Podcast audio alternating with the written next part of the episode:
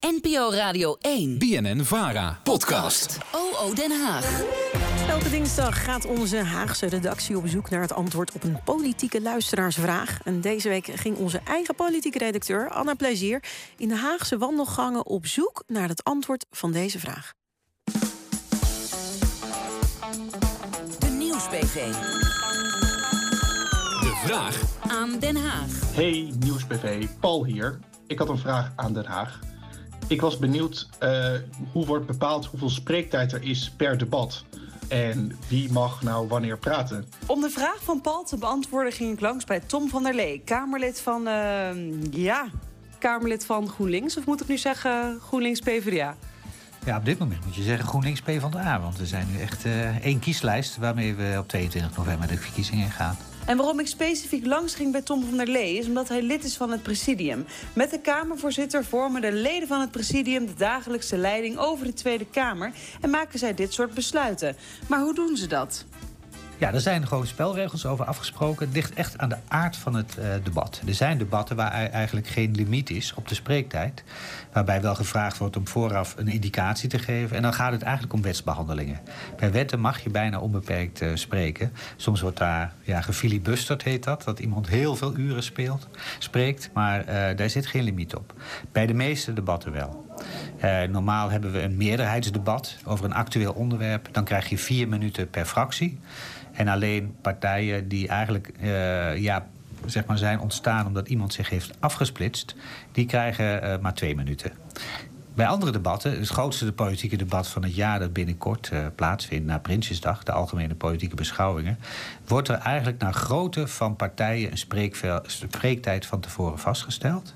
En ook de volgorde uh, bij de algemene politieke beschouwing is dezelfde als bij begrotingsbehandelingen. Namelijk eerst spreekt de grootste oppositiepartij, dan de grootste coalitiepartij en dan om en om totdat iedereen aan het woord is geweest. En waarom is er gekozen voor die volgorde? Ja, uh, bij begrotingsbehandelingen en dus de algemene politieke beschouwingen ja, gaat het er toch om om te laten zien dat de Kamer de regering controleert.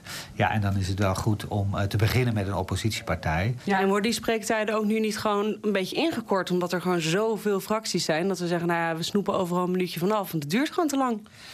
Uh, plenair uh, gebeurt dat wat minder uh, in de grote zaal. Maar in de commissiedebatten zie je dat zeker. Ja, dan is er gewoon minder spreektijd. Maar ook dat hangt weer af van hoeveel Kamerleden... uit hoeveel fracties komen opdagen bij het begin van een debat.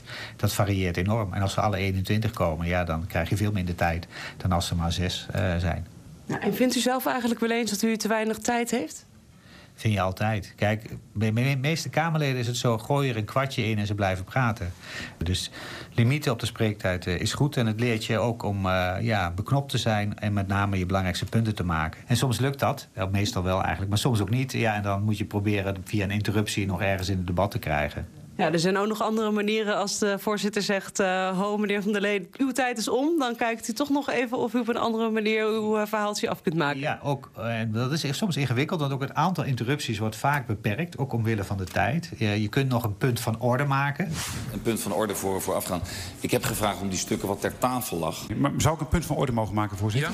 Ja. Uh, waarbij je probeert eigenlijk een interruptie te verpakken als... ja, ik wil eigenlijk iets zeggen op de volgorde van uh, de vergadering... of er ontbreekt een stuk, of, en dan kun je dat ook een beetje misbruiken.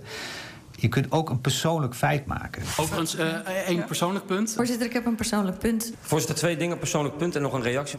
En doen alsof je persoonlijk bent aangevallen door iemand... en om die reden het woord wil, uh, om dat recht te kunnen zetten. En soms lukt dat. Ook dat hangt weer af van de voorzitter die je treft in die vergadering. Dus u wordt nu opeens heel vaak persoonlijk aangevallen? Uh, soms wel, ja. Heel erg bedankt voor uw tijd. Graag gedaan. Ja, heb jij nou ook een vraag aan Den Haag? Mail die dan even naar de Nieuwsbv Politiek. Allemaal aan elkaar. Apenstaartje bnnvara.nl. En wie weet hoor jij je eigen vraag terug op de radio.